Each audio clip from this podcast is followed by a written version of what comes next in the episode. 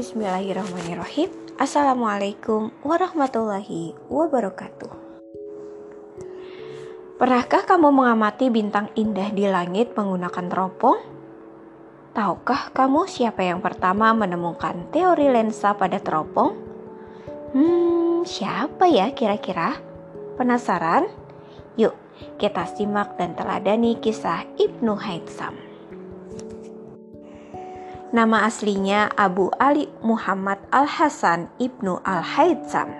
Dunia barat menyebutnya Al-Hazan. Sementara sejarah lebih mengenalnya dengan sebutan Ibnu Haytham. Ibnu Haytham lahir di Basroh, Irak pada tanggal 1 Juli 965 Masehi. Awalnya Ibnu Haytham memulai karir sebagai pegawai pemerintah di kota kelahirannya. Ternyata Ibnu Haitsam lebih tertarik menuntut ilmu. Ia lalu memutuskan merantau ke Ahwas dan Baghdad untuk menuntut ilmu. Bahkan Ibnu Haitsam di kemudian hari juga pernah mengabadikan mengabdikan diri di Universitas Al-Azhar Kairo.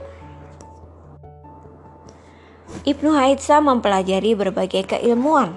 Ia mempelajari ilmu falak, geometri, fisika, matematika, dan filsafat.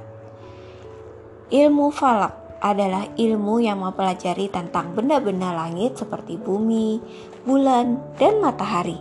Sedangkan geometri adalah ilmu ukur yang mempelajari bidang dan ruang.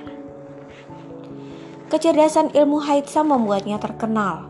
Khalifah Al-Hakim, penguasa Mesir saat itu, memintanya bergabung dalam pembangunan bendungan Sungai Nil namun, Ibnu Haitsam merasa rancangan bendungan itu tidak sesuai rencana.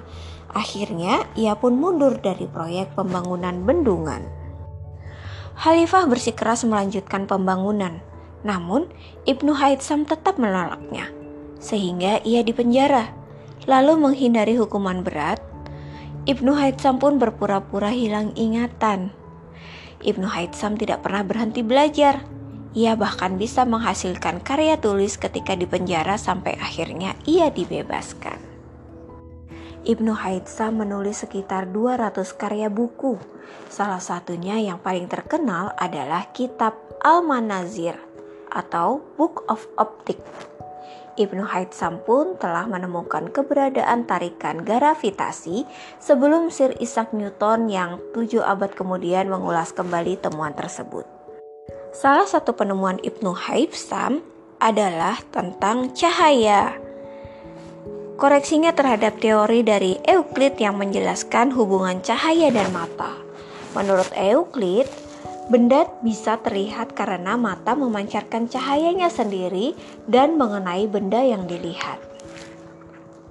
Namun, menurut Ibnu Haitsam, benda dapat terlihat karena benda tersebut memantulkan cahaya dari sumber cahaya dan kemudian ditangkap oleh mata.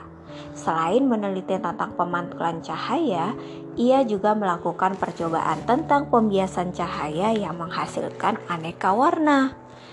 Buku lain karya Ibnu Haitsam berjudul Light on Twilight Phenomena menjelaskan cahaya yang muncul saat matahari terbenam, lingkaran cahaya saat gerhana, dan pelangi. Menurut Ibnu Haitsam, cahaya fajar bermula apabila matahari berada pada garis 19 derajat di ufuk timur. Warna merah pada senja akan hilang apabila matahari juga berada pada garis 19 derajat di ufuk barat. Horizon Horizon adalah langit bagian bawah yang berbatasan dengan permukaan bumi atau laut cakrawala.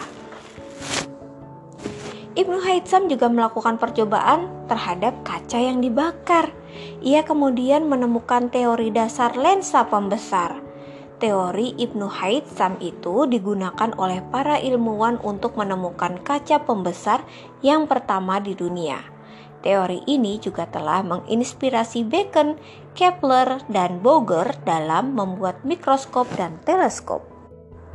Ibnu Haitsam juga menyampaikan teori mengenai jiwa manusia sebagai rentetan perasaan yang saling terhubung dari waktu ke waktu. Teori tersebut telah menginspirasi para ilmuwan barat untuk membuat film bergerak yang semakin berkembang dan canggih hingga kini. Ibnu Haytham adalah orang pertama yang menjabarkan mata manusia secara rinci dalam bentuk diagram beserta cara kerja sistem sarafnya.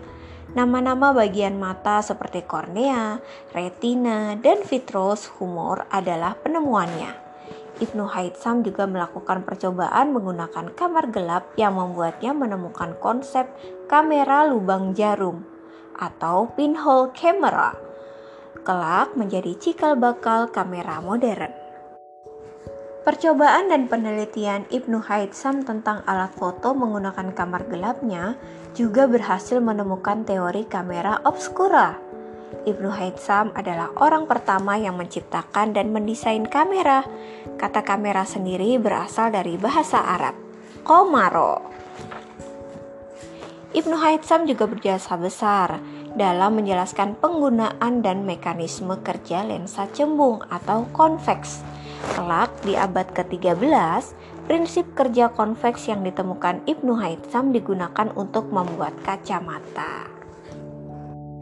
Dikarenakan temuan-temuannya yang hebat di bidang ilmu optik, Ibnu Haytham akhirnya diberi gelar sebagai The Father of Modern Optics atau Bapak Optik Modern. Ibnu Haytham wafat di Kairo pada tahun 1039 Masehi dengan mewariskan pengetahuan-pengetahuan besar. Sekian dulu ya adik-adik cerita tentang ahli sains Ibnu Haytham yang merupakan bapak optik dunia. Sampai jumpa di cerita berikutnya. Wassalamualaikum warahmatullahi wabarakatuh.